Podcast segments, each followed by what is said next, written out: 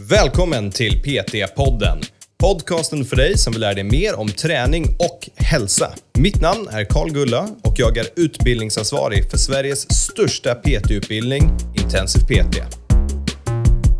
Låt säga att du kan göra 200, eller, eller vi så här, låt säga att du kan göra 150 kilo, det är ditt 1 RM i marklyft. Mm. Då kommer ju 120 kilo vara ganska tungt. Mm. Det kommer ju vara, vad, vad, blir det, nu är jag dålig på huvudräkning, det blir någonstans runt vad, 70-80 procent av ett 1RM eller något sånt där. Där någonstans. Där någonstans, det är hyfsat tungt. Alltså inte jättelätt, men inte heller jättetungt. Varmt välkommen till PT-podden kära gäster. Nu ska vi fortsätta vår konversation om vad styrka faktiskt är för någonting. Och vi har med vår expertgäst Tommy Westergren och vi har faktiskt gjort flera avsnitt om det här tidigare. Så det finns strukturella faktorer för styrka. Den är uppdelad i del 1 och del 2, så gå tillbaka och lyssna på den. Vi har även neurologiska faktorer för styrka, så det finns också. Båda de här finns lite längre bak i poddflödet. Idag ska vi prata om funktionella faktorer för styrka och det här är väl kanske lite mer lättsmält. Det här är sånt som vi kanske förstår oss på och är lite mer applicerbart och användningsbart när vi faktiskt jobbar som personliga tränare. Så vi stalar inga mer, utan det, det här är ett grymt avsnitt. Vi kör på hörni. Varsågoda. Hörru Tommy, välkommen till PT-podden igen. Eh, tack så mycket Karl. Vad kul att ha med dig. Nu har du lite ställd. Du pratar om hundar, sen direkt in på poddavsnitt. Eh, ja, man måste vara på tårna här tydligen. Ja, det måste man verkligen. Och vi ska ju fortsätta vår eh, styrkeserie här, vilket är spännande. Jag, har, jag kan säga så här, vårt första avsnitt är ute nu. Jag är ju in real life, jag är ju troligen på smekmånad nu och absolut skiter i allt som har med jobb att göra. Men jag fick lite feedback på det första avsnittet, vilket var shit, det här kunde inte jag. Vad coolt att lära sig allt det här. Det var spännande. Då får jag hoppas att det inte var en av våra elever, för att det här är ju någonting vi pratar om i vår utbildning. Det var en väldigt gammal elev, någon som gick för väldigt länge sedan. Men ändå, det är alltid bra med repetition. Man lär sig mycket, mycket då, då, då, är, då är man ursäktad, absolut. För det här är ju ändå någonting vi relativt nytt har börjat prata om i mer djupgående analyser av styrka och våra olika träningsbara förmågor. Ja, vi får se om i slutet av det här att du kan övertala mig att det finns mer till styrka än hur mycket du tar i ett marklyft. Jag, jag, jag tror inte det stämmer. Bänkpressen är också en bra mätning, men det, det, det är de två vi har. Um, vi får se. Det, ja. det, kanske finns mer som har att göra med styrka. Vi, vi, vi, märker i slutet på allt det här om du har gjort mig till en believer. Ja. Men du, idag, ändå... funktionella faktorer för styrka. Uh, ja, funktionella faktorer för styrka, det, det, är en väldigt teknisk term vi använder oss av här. Nej, men, men om, vi, om vi säger så här, vi har ju pratat om vad? Strukturella faktorer för styrka, vi har pratat om neurologiska faktorer för styrka. Och det blir ju på någonting, det blir ju ur ett visst perspektiv mer en fysiologisk förklaring vad som ligger bakom våran styrka. Men styrka det är ju ändå någonting vi demonstrerar i verkliga världen, i, i allting vi gör, i alla rörelser vi gör. Och då blir det ju beroende av, de, ja, men av den omständigheten vi finner oss i med styrka, för att styrka är ju kontextberoende, styrka är ju specifikt för den omständigheten vi finner oss i. Och vi har ju redan pratat om korsbryggor, vi har pratat om hur vårt, nervsystem, eh, vårt nervsystem signalerar våra motoriska enheter till att skicka aktionspotentialer för att forma korsbryggor. Och vad det här egentligen handlar om är ju våran förmåga att producera kraft. Och vår förmåga att producera kraft då från den här formationen av korsbryggor. Den ser olika ut beroende på vart vi finner oss i, vad för omständighet vi finner oss i. Och då blir det ju att styrka är ju avgörande av hur stor kraftinsats vi kan lägga bakom en rörelse, det vill säga hur mycket kraft vi verkligen kan lägga i den här specifika rörelsen, i den här specifika omständigheten. Så typ eh, här om man tar liksom två snarlika men ändå annorlunda övningar, typ ett knäböj och ett marklyft, då, då pratar vi liksom, det, det kräver olika kraftinsats. Eller ett marklyft med, vad har vi, om vi har någon idrott, en fotbollsspelare som måste samla kraft för att kanske inte springa väldigt fort, men hoppa väldigt högt eller något sånt. Det, det, är, liksom, det är lite där vi är inne på nu, eller? Ja, men, men det är också för att det här lyfter fram ett par olika omständigheter. Jämför vi två olika rörelser, ja, men då har vi två olika rörelseuppgifter och då är det ju så väldigt uppenbart att det kräver olika kraftinsatser. Olika muskler kommer ju vara involverade på olika sätt beroende av de mekaniska kraven. Kollar vi på en fotbollsspelare, du pratar om att springa snabbt, hoppa högt, här hittar vi ju andra omständigheter, för helt plötsligt handlar det inte om att flytta tunga vikter, det handlar om att förflytta kroppen snabbt. Mm. Och det är ju helt olika omständigheter som då avgörs av hur mycket kraft man kan just producera under de här omständigheterna. För att hur högt vi kan hoppa och hur tunga vikter vi kan lyfta, det har ju mycket gemensamt. Just med att det är beroende av hur mycket kraft vi kan lägga bakom den här rörelsen. Men det är ju två distinkt olika rörelseuppgifter. Ena handlar om att lyfta tungt, andra, andra handlar om att kunna hoppa högt mot egentligen ingen kropps... eller emot ingen riktig belastning alls, förutom den egna kroppsvikten. Så det är ju två helt olika saker egentligen när vi då jobbar med våra muskelkontraktioner och vår kraftproduktion. Och, det och, finns och varför ju då är det här relevant för oss då som PT? Varför behöver vi ha koll på det? Vad, vad, är, vad är poängen så att säga? All, allting kommer ju tillbaka till att styrka är ju specifikt. Och vill vi då träna för att bli bra på en specifik sak, då måste vi ju ställa de specifika kraven. Och, och just alltså träna under de specifika omständigheter som leder till de här adaptionerna som det kallas, då, anpassningarna till de krav vi ställer på kroppen. Så, så om vi vill kunna lyfta en tungvikt eller kunna springa fort och hoppa högt, då måste vi ju här förstå de mekanismer som ligger bakom vår förmåga att utföra de här olika rörelseuppgifterna. För det, det skiljer sig åt beroende på vad för omständighet det är. Och då har vi här ett antal viktiga mekanismer. Vi har ju vår motoriska rekrytering. Det har vi pratat om tidigare med vår neurologiska aktivering av motoriska enheter. Hännemans storleksprincip. Precis, Hännemans storleksprincip. Och vår motoriska Precis, och vår motoriska rekrytering skiljer sig åt beroende på hur mycket kraft vi behöver lägga bakom rörelsen och hur mycket kraft vi vill lägga bakom rörelsen. En annan mekanism är ju det så kallade längdspänningsförhållandet. Och så har vi en krafthastighetskurva och så har vi olika kontraktionstyper. Och de här mekanismerna, vi pratar ju i längder om det i vår utbildning. Så det är ju ingenting vi behöver gå in på djupet i, ja, i, i, det här, alltså i, i, den här stunden när du och jag sitter och pratar. Uh, för det är ju väldigt, det är väldigt komplexa me mekanismer. Så det vi istället kan göra är ju att då kolla på uh, ett par praktiska exempel och försöka faktiskt kontextualisera vad de här mekanismerna betyder i själva um, under olika omständigheter. Okej, okay, så då, då ska vi plan, bara se så, så, att alla är med här. Så det vi snackar om det är att beroende på vad din klient eller du har för mål så behöver du förstå mekanismer som ligger bakom för att vi ska kunna uppnå de målen. Det är väl det som är infallsvinkeln här lite grann. Att är det så att din klient vill springa fort, då kommer du behöva anpassa träningen till det. Är det så att din klient vill lyfta tungt, då behöver du anpassa träningen till det. Ja, precis. För, för det blir ju då att ja, men, träning är ju specifikt. Ju mer specifikt vi tränar, ja, men desto bättre blir vi ju på den enskilda saken som vi tränar. Och för att då förstå hur vi faktiskt ska anpassa träningen för att bli bättre på de här grejerna, då måste vi ju förstå mekanismerna bakom bakom vår fysiologi, eller från vår fysiologi, som ligger bakom de här olika prestationsmåtten. Um, så, så tänk dig så här Karl, uh, du tycker om att lyfta tungt, eller ja. hur? Allt över tre reps i cardio. Det står Allt över tre reps i cardio. Uh, håller, håller fullständigt med. Uh, men i alla fall så tänkte jag att du vill lyfta en så tung vikt som möjligt. Du vill öka ditt 1 RM i, vad var det du, du håller på med sumo marklyft just nu, eller hur? Ja, precis så. Och, och, jag vet, jag såg en video här när du höll på och kände lite på 200 kilo. Det var väl i blockpuls eller upphöjda marklyft i och för sig men, men du är på väg att ta 200 från marken. Ja. Och det, det, det är ju hyfsat tungt. Alltså det, det, krävs ju liksom rejält med styrka för att kunna lyfta 200 kilo, ingen fråga om saken. Det är hyfsat tungt. Ja, tack. Ja, det, det är hyfsat tungt. Jag menar, det, det, är lättare än vad jag lyfter, men, men det är fortfarande hyfsat tungt, eller hur? ja, Okej, okay. varsågod, ja, det, men, nej, men, fall, men, men tänk så här, hur, hur ser det ut? Hur ser det ut när du lyfter 200 kilo? Går det fort? Går det långsamt?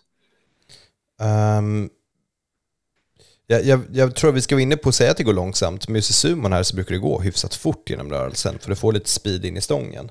Men uh, ja. generellt sett ser det väl lite långsammare lyft när du lyfter så tungt som möjligt.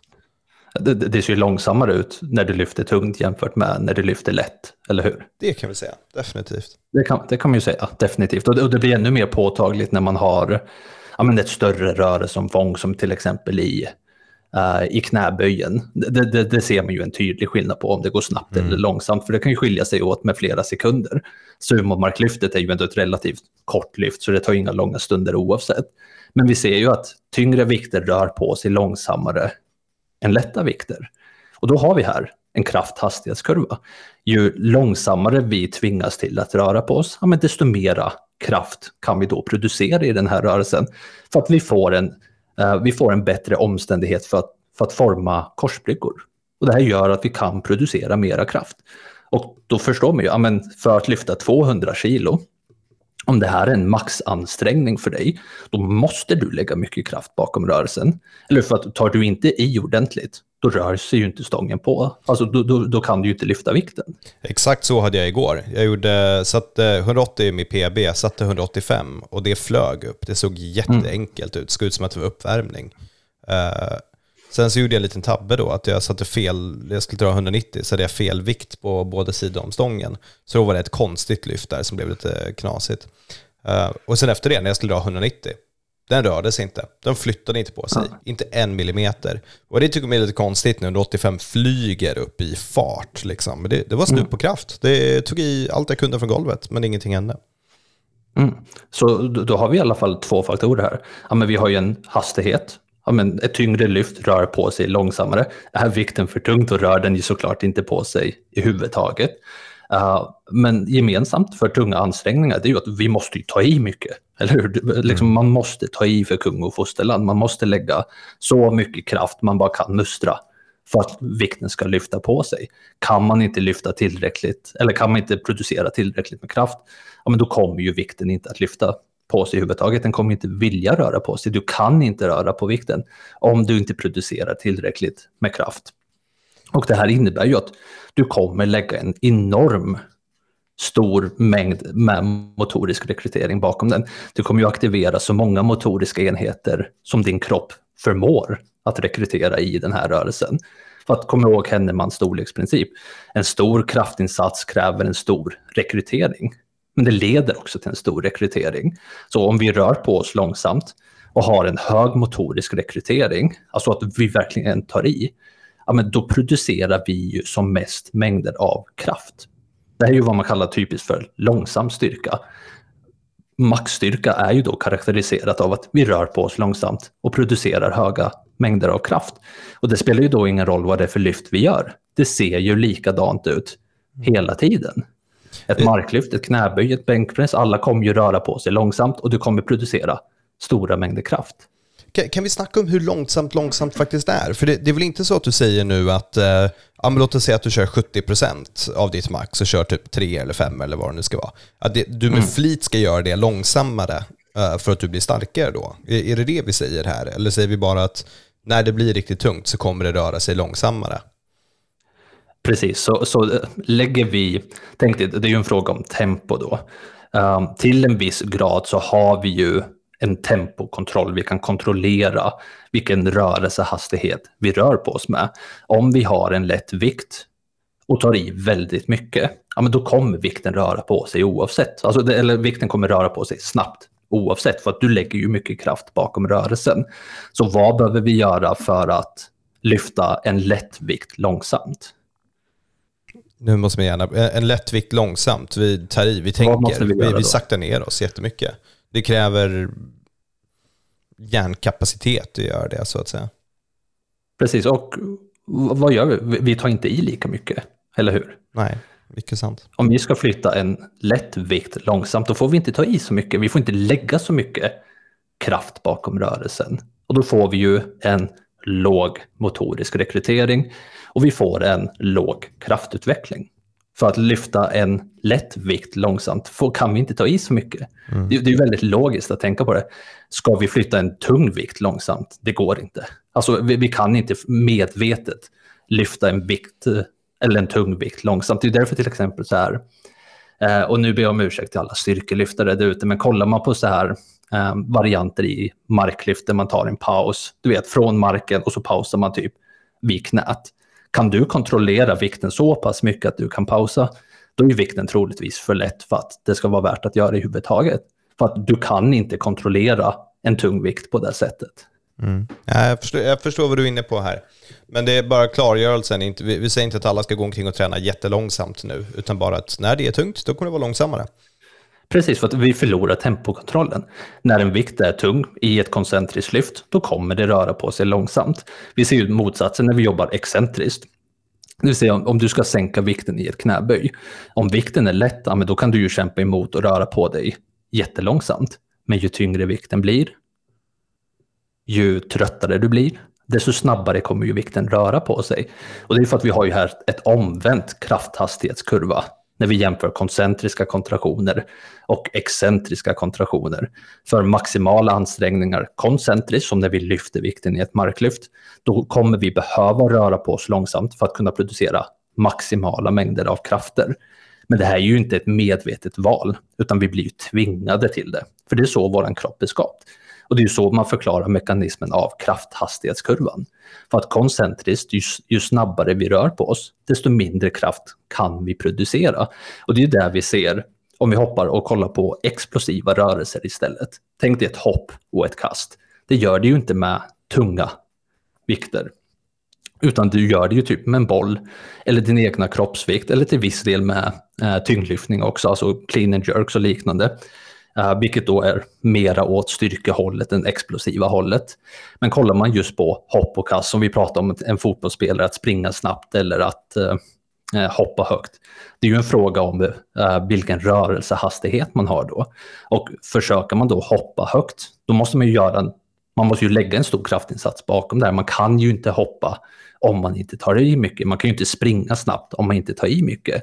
Men på grund av att vi rör på oss med höga rörelsehastigheter, då producerar vi inte lika mycket kraft som till exempel ett väldigt tungt marklyft som nödvändigtvis måste röra på sig långsamt.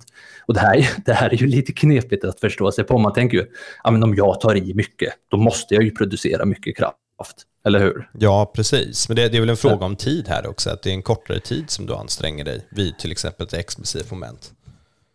Precis, men då blir det så här, men vad är det tid gör i den här faktorn? Och, och, då är det ju tiden för våra kontraktioner. För att när en kontraktion sker under en hög hastighet eller en väldigt kort tid, då hinner inte våra korsbryggor att formas effektivt. Vi får en hög motorisk rekrytering för att vi tar i mycket. Men varje muskelfiber i sig som då är kopplat till de aktiverade motoriska enheterna, men de bidrar inte med så mycket kraft. För att vi rör på oss för fort. Så formationen av korsbryggor, det är någonting som tar tid. Och vi hinner här inte producera så många korsbryggor eller forma så många korsbryggor för att vi rör på oss med för snabba rörelsehastigheter. Och det är där man ser den här distinkta skillnaden mellan att lyfta väldigt tungt och att lyfta explosivt. Det är inte samma omständighet. För ena rör vi på oss långsamt och andra rör vi på oss snabbt. Och då har vi här mekanismer, särskilt krafthastighetskurvan och motorisk rekrytering som avgör men, hur mycket kraft vi kan producera under den här omständigheten. Och det där låter ju, alltså det, här, det här är ju helt rimligt när man tänker på det. Att man ser att det finns liksom lite kontrast här mellan lyfta tunga vikter och explosiv styrka. Att det, det tillhör samma familj men det är kusiner, det är syskon, liksom. det är inte exakt samma. Men hur är det istället med att göra många repetitioner av någonting? För det, det är väl ändå lite mer snarlikt det här styrkehållet än det explosiva mm. styrkan, eller? Precis, så just när man börjar prata om, och, och, här finns det två olika begrepp som kan vara lite svårt att skilja på. Eh, det kallas antingen, antingen för repetitionsstyrka eller styrkeuthållighet. Styrkeuthållighet är ju mer allmänt, det är ju mer generellt. Repetitionsstyrka är ju att göra um, repetitioner på en given belastning eller på en given vikt utifrån då ett RM. Och det blir ju lite knepigt här för att i grund och botten så är det ju väldigt likt då tung styrketräning. Om vi kollar på att göra många repetitioner, vad gör vi då? Ja, men vi kontraherar våra muskler, absolut. Men vi gör det ju inte en gång, utan vi gör det ju många gånger. Mm. Och vi rör ju oss oftast då på, eller från då, relativt höga hastigheter. Och tänk dig så här, om du ska göra 20 stycken armhävningar, de, de första 10 repetitionerna, de rör ju på sig ganska enkelt, eller hur? Ja. Och ju, ju närmre du kommer här, 20 repetitioner, låt säga att du kan göra 20 repetitioner, absolut, maximum. Ju närmre du, du kommer 20 repetitioner här, eller en maximal ansträngning, desto långsammare kommer det ju att röra på dig. Så i början, du är pigg, du är fräsch, du rör på dig obehindrat, men du producerar inte jättehöga krafter. Och ju längre in du kommer i det här sättet av repetitioner, desto tröttare blir du. Och desto högre krafter kommer du börja producera. För att du kommer ju aktivera flera motoriska enheter och du kommer börja röra på dig långsammare. Och just det här bortfallet i rörelsehastighet är ju det man är ute efter när man styrketränar. För att det är ju då man utsätter de enskilda muskelfibrerna för maximala mängder av kraft. Det är, ja, absolut. Det är superspännande. Och vad, vad, så med den här informationen, vad gör vi med den? Ja, det, det, blir väl en fråga om att anpassa träningen utifrån de omständigheter man vill bli bra på. Så det här blir ett väldigt komplicerat sätt att förklara att vi blir bra på det vi gör. För det förklarar varför vi blir bra på det vi gör. Mm. Absolut, så det, nu är du inne på träningsprincipen av vår specificitetsprincip. Den som är svår att säga men ganska enkel att förstå. Yes. Samma eh, visa som jag kör i mina föreläsningar. Man kan Specificitetsprincipen. Vi... ja, precis. Man kan tro att vi har lärt oss från samma plats. Det har vi Man faktiskt inte. En av oss har en master en av oss i träning, en av oss har en master i entreprenörskap. Ni kan ju gissa vem som är vem här. Ja. Men, men, men i alla fall, så, så om vi tänker på det, alltså när, när vi kommer in till att faktiskt prata om träning, ja, men visst det är ju jättebra att förstå sig på de här mekanismerna för att det förklarar varför vi måste träna på ett särskilt sätt. För att beroende på de krav vi ställer på kroppen, ja, men, um, vi får ju ut olika effekter av träningen. Och då är det just, ja, men den här fysiologin förklarar, ja, men om vi vill lyfta väldigt tunga vikter, då måste vi producera höga mängder av kraft. Och just att producera höga mängder av kraft, det sker ju under specifika omständigheter. Så vi måste ju träna på den här omständigheten för att ja, men bli bättre på den. Och det är egentligen inte mer komplicerat än så. Det är det är väldigt enkelt egentligen att förstå sig på träning om man bara förstår specificitetsprincipen som just beskriver att ja, men vill vi bli duktiga på någonting, då måste vi jobba på det. Vi måste jobba på att bli starka, vi måste jobba på att bli explosiva. Och sen ur ett fysiologiskt perspektiv, ja, men vi får ju ut olika träningseffekter beroende på vad det är för omständighet vi tränar under. Det är inte egentligen mer komplicerat än så. Vill vi kunna lyfta tungt, då måste vi lyfta tungt. Vill vi kunna lyfta många repetitioner, men då måste vi träna på att lyfta många repetitioner. Vill vi lyfta explos eller vill vi bli explosiva, då måste vi ju träna med explosiva moment. För då tränar vi under de specifika omständigheter som vi vill bli bra på. Där det blir komplicerat är ju när man ska förklara de bakomliggande faktorerna strukturellt och neurologiskt till varför vi får ut olika träningseffekter. Och det är då vi måste förstå de här olika mekanismerna med krafthastighetskurvan, motorisk rekrytering och så vidare. För beroende på de krav vi ställer på kroppen så får vi ut olika effekter av träningen. Ja, det är otroligt bra sammanfattat och förklarat. Eh, jag tror att det där ger väldigt mycket. Men det, nu pratar vi lite mer då om de fysiologiska effekterna som sker kanske. För det, när jag läser liksom våra anteckningar och samtidigt som jag reflekterar över det här så har vi en sån enkel sak som jag känner både du och Andreas motiverar här, vilket är typ, um, ja men låt oss säga att vi ska bli bra på att lyfta tungt till knäböj, då ska vi göra mycket tunga knäböj. Men för en person mm. som är helt ny då, på styrketräning till exempel, då kanske det kan finnas positiva effekter av att med, med flit göra det långsammare till exempel och öva på tekniken och få till en neurologisk adaption, att de börjar förstå sig på rörelsen. Eller är jag helt mm. ute och cyklar här? Är, är det en time and a place för att vara 100% specifik? Mm, alltså, grejen är, du är inne lite på ett getingbo när det kommer till de här termerna. För att när du pratar om teknik, det är inte nödvändigtvis samma sak som koordination. Och, och det här det blir väldigt tekniskt att behöva hålla koll på termerna. För tänk dig teknik, det är ju ja, men, hur ditt övningsutförande rent tekniskt ser ut. Att du kan hitta rätt positioner, att du kan men att du vet, och, alltså, du vet så här, men vart knäna ska och vart armarna ska och hur man ska hålla stången, hur man ska placera fötterna och sånt. Det är ju teknik. Men du kan ha världens bästa teknik och så faller allting så fort du kommer under belastning. Och det är därför, det, du vet, det funkar ju inte jättebra att försöka lära sig en övning, till exempel med en pinne. Eller att försöka lära knäböj genom att göra air squats. Man kan lära sig rätt teknik. Men motoriken, koordinationen, det vill säga här neurologiska adaptioner, det är inte säkert att man får ut dem av den typen av träning för att det är då inte tillräckligt specifikt. Så man måste skilja här på obelastade rörelsemönster och belastade rörelsemönster. För att koordination, och det här, det här är svårbegripligt, koordination är belastningsspecifikt. Ja, men det låter väl rimligt, det, det köper jag. Um, om ska koordinera din kropp i en bänkpress med en pinne jämfört med 100 kilo är två helt olika saker. Precis, och varför är det två helt olika saker? För att vi finner oss under olika omständigheter. Att ha 100 kilo på stången är ju en helt annan omständighet än att lyfta pinnen. Och det är där vi ser att styrka är specifikt för att koordination och motorik är specifikt.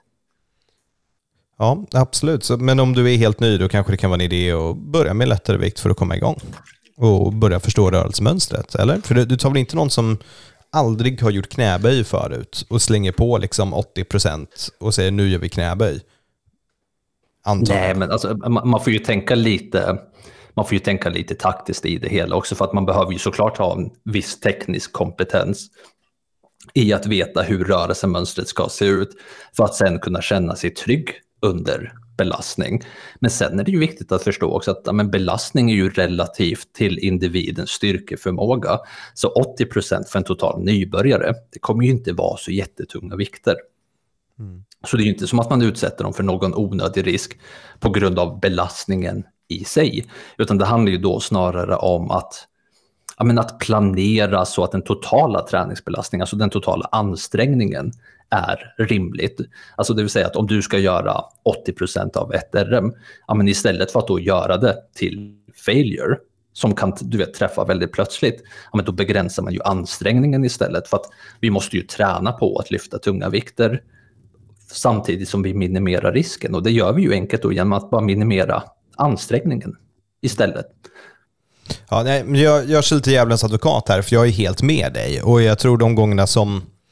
En av orsakerna till varför jag blir anlitad ganska ofta som PT för att lära ut övningar är för att det går ganska mm. fort. Det, det går rätt fort in på att du har skivstången och har vikter du kanske inte trodde att du skulle ha, för att det efterliknar mm. det vi kommer göra mycket mer. Och det blir väldigt specifika utmaningar. Men det är väl också för att jag känner att jag som PT behärskar det ganska bra och vet vart stoppet kommer ta för klienten och så vidare. Det, det respekterar mm. jag om man inte gör i början. Men det finns definitivt många fördelar av att ta klienten dit de kommer vara så fort som möjligt för att öva där. Istället för att, låt oss säga, du vill bli bra på knäböj. Därför ska vi göra kettlebellsvingar och massa andra typer av saker. För det mm. kommer inte vara helt överförbart. Precis, och, och jag, jag, tycker du har ett helt fenomenalt förhållningssätt här, för att det handlar ju om att vara taktisk i sin användning av i, I det här fallet är det ju dig som tränare och hur du coachar dina klienter. Men just att vara taktisk i hur man mäter klientens eh, vad ska man säga, förutsättningar för att prestera på en viss vikt. Och då blir det ju att man, man måste ju våga exponera dem för den faktiska träningen, för det, det de faktiskt ska bli bra på. Och sen blir det ju en erfarenhetsfråga om att, ja, men hur gör man det här på ett säkert och effektivt sätt? För såklart om du tar en total nybörjare som aldrig har rört en skivstång, ja, men det, det kanske inte är superlämpligt att slänga på tunga vikter. Men det är ju inte heller nödvändigt att vara, att vara rädd för belastning. För att belastning i sig är inte inneboende farligt. Nej, utan då var mer, kör gärna med belastning men var vaksam över fatigen, hur nära man är failure hela tiden istället med någon som är lite nyare. Så Precis, så femma, gör, färre, gör färre reps, gör flera set, men gör det på den vikten eller på den belastning snarare som de vill kunna träna på.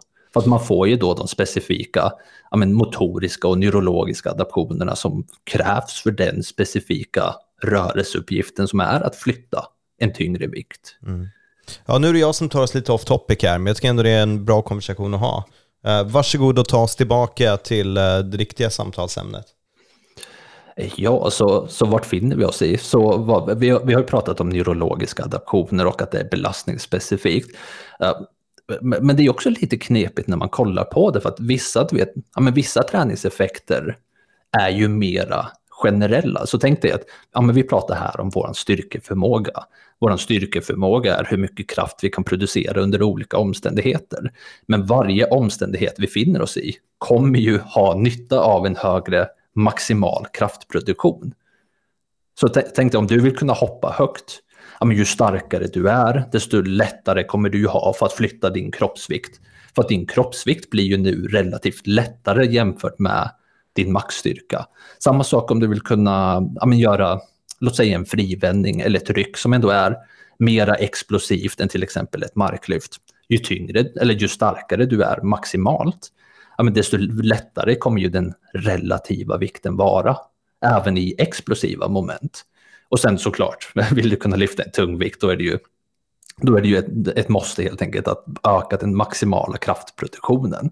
Så vill vi bli starkare i termer av att kunna producera högre krafter, ja, men då måste vi ju såklart träna för maxstyrka också. Och det, det, det, borde ju finnas, det borde ju vara ett fundament för åtminstone alla som är idrottsinriktade att träna med tyngre belastningsgrader, alltså tyngre vikter.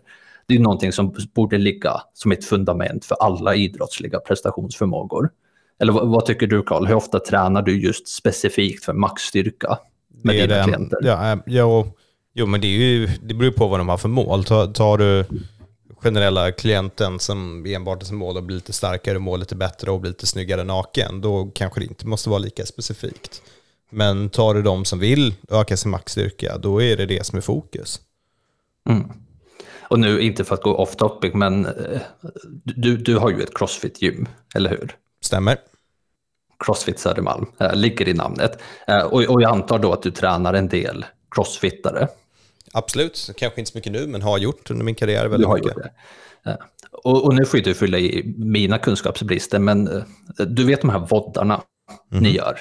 nu, nu, kan jag, jag kan inget namn på dem, jag vet Cindy, Fran, jag vet inte vad de ja. inkluderar. Okay. Men tänk dig att oftast har man ju en bestämd vikt man ska träna på, eller hur? Ja. Uh, så eh, kan du, ge ett, kan du ge ett exempel bara så vi har en kontext att prata om? Uh, någon där man ska göra ett AMRAPS eller x antal repetitioner på en given viktig typ ett ryck eller ett marklyft eller någonting. Okej, okay, men vi tar, um, vi, tar, vi tar en klassisk, jag vill inte ta något komplicerat. Uh, den här har inget namn, du ska göra... Simpelt bara. Ja, du, du ska göra fem marklyft på, jag tror 120 för herrar, 100 för damer, 10 burpees, fem varv så fort du kan. Precis, och, som vi skippar burpeesen och bara kollar på marklyften. 120 kilo, fem repetitioner. Um, det, det, är ju inte jättetungt. För en, alltså för en vältränad kar är ju 120 kilo ingenting. Ja, det, det ska vara en så här light to medium weight typ. Ja, men om vi utgår från 120 kilo, låt säga att du kan göra, låt säga att du kan göra 200, eller, eller vi så här, låt säga att du kan göra 150 kilo, det är ditt 1 RM i marklyft, mm. då kommer ju 120 kilo vara ganska tungt. Mm. Det kommer ju vara, vad, vad, blir det, nu är jag dålig på huvudräkning, det blir någonstans runt vad, 70-80 procent av ett 1 RM eller något sånt där. Där någonstans. Där någonstans, det är hyfsat tungt. Alltså inte jättelätt, men inte heller jättetungt. Det ligger där på en moderat ansträngning.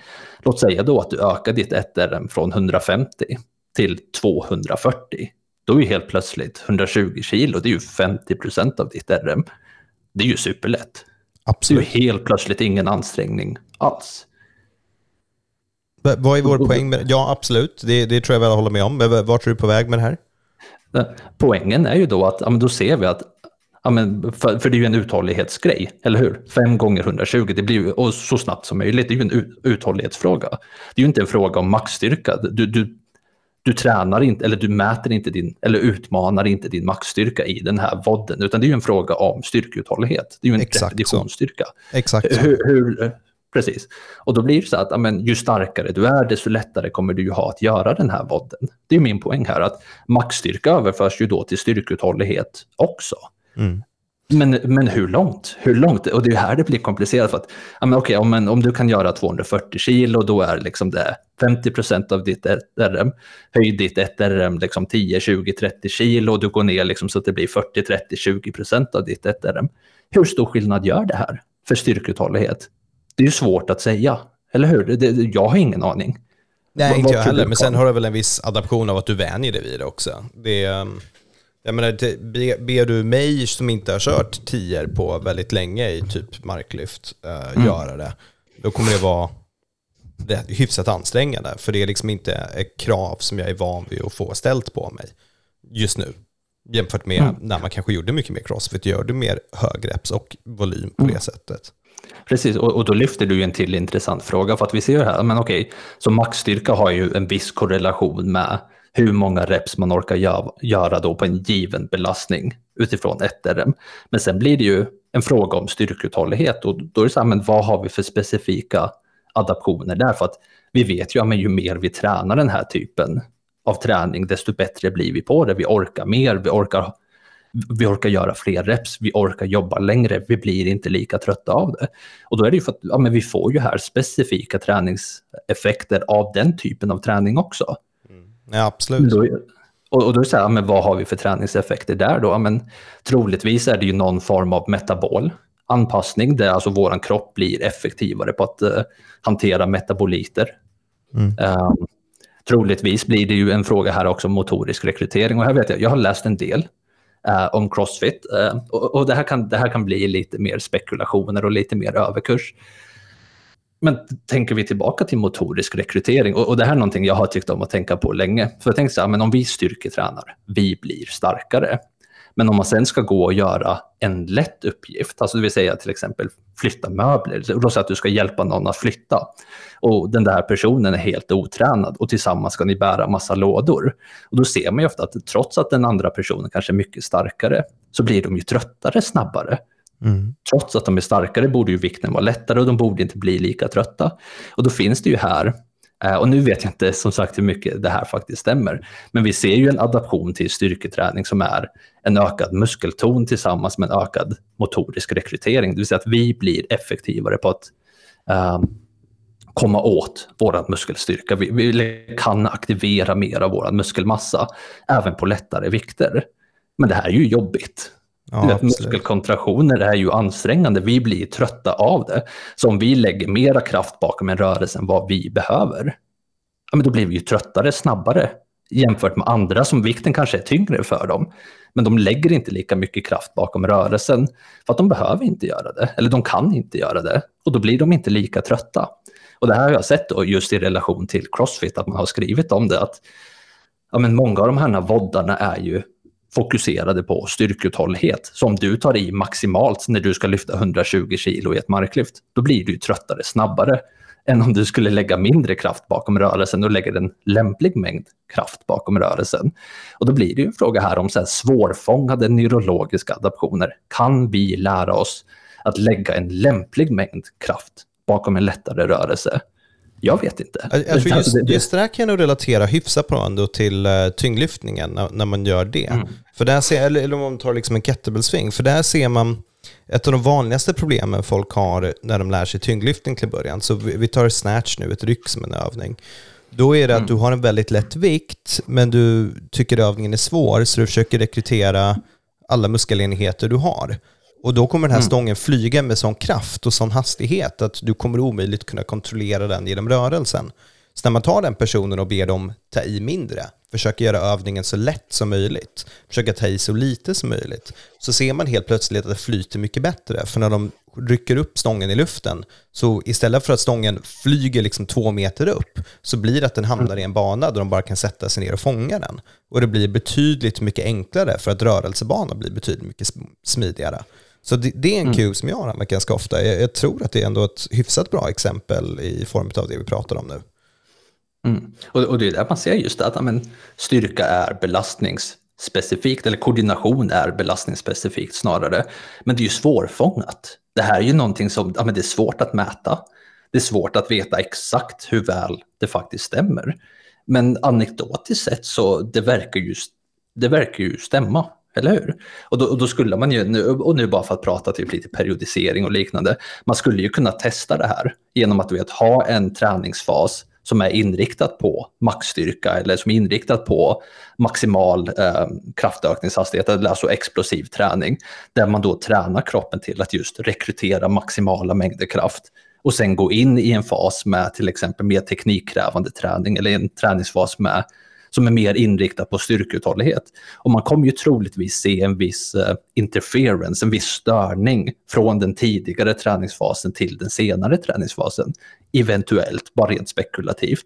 Just för att vi, är, vi har ju då fått anpassningar som gör oss starkare, men inte uthålligare. Ja, jag, jag, vet inte, det, det, det är intressant. Det låter helt rimligt. Det, där kan vi bara, nu, nu, det här handlar inte på något sätt om crossfit, men crossfit är en ganska kul grej att prata om i, samman, i det här sammanhanget, för att jag har så många olika styrkeadaptioner som man försöker få in. Men där, där kan man väl tillägga då också, för det, det folk verkar missförstå när man pratar om just crossfit, det är vad är målet med när man gör den typen av träning? Och jag menar för gemene man, då är ju målet att jag tycker det är kul så därför gör jag det och det är träning och det är bra liksom.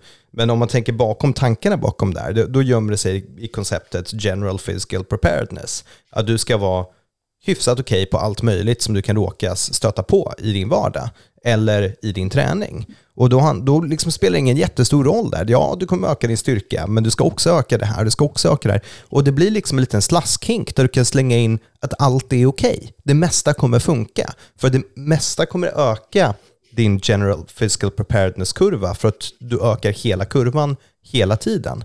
Och sen kommer du ha vissa ställen där den är ganska låg. Så låt oss säga i det här fallet, ja, vi ska göra den liksom 120 marklyft och burpees. Du kanske är jättebra kondition men är väldigt svag. Ja, då kommer ju burpees vara jättelätt, men marklyften kommer vara väldigt svårt. Då kanske den individen behöver lägga lite mer fokus på styrkan så marklyften blir lättare till exempel.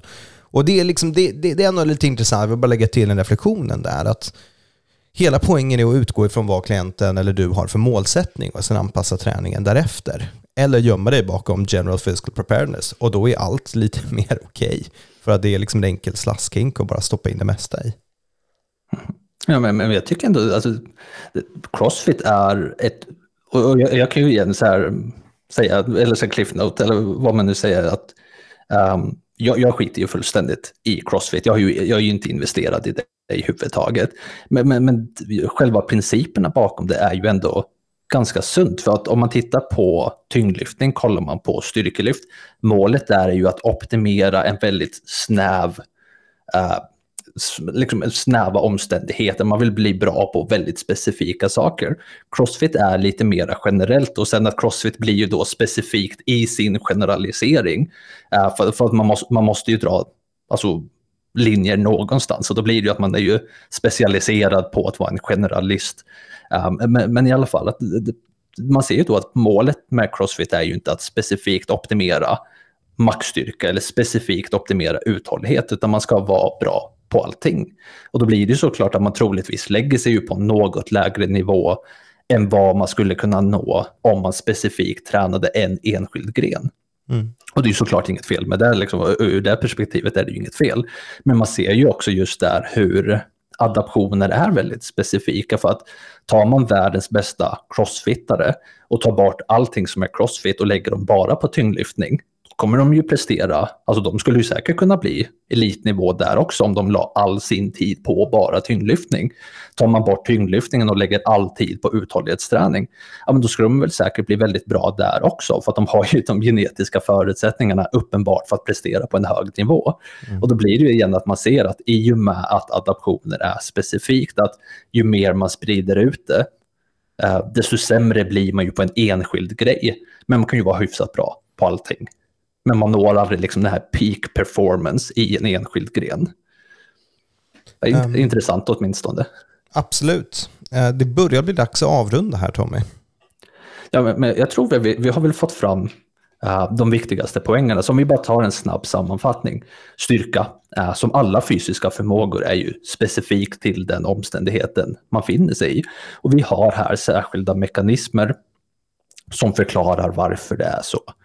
Um, Just för styrka specifikt, då har vi motorisk rekrytering, ett längdspänningsförhållande som vi i och för sig inte pratar någonting om idag. Eh, vi har ju kontraktionstyper, alltså skillnad på koncentrisk och excentrisk styrka och så har vi ju vår krafthastighetskurva eh, som då förklarar att beroende på vilken rörelsehastighet vi rör oss med så kommer olika mängder av eh, kraft vara möjligt att producera på den här givna rörelsehastigheten.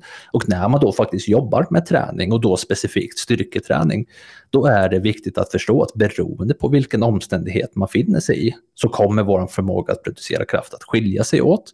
Och vill vi bli bra på en specifik omständighet, om det så är styrkelyft, tyngdlyftning eller crossfit, så måste vi ju träna specifikt för det. Vill vi kunna lyfta maximalt tunga vikter, då måste vi träna för det.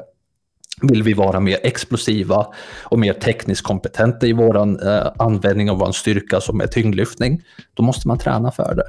Vill vi vara mer styrkeuthålliga som i crossfit, men då måste man träna specifikt för det också. För att styrka är specifikt. Så det du säger är att hela avsnittet kunde ha sammanfattats på en minut? Ja, men det är ju inget kul. hur är det i nästa avsnitt vi får mäta hur starka vi är? Nej, inte än. Okej, men det kommer. Okej, det kommer. Ja, men kommer superstort snart. tack Tommy för att du var med återigen. Vi hörs nästa gång. Yes, tack så mycket Carl.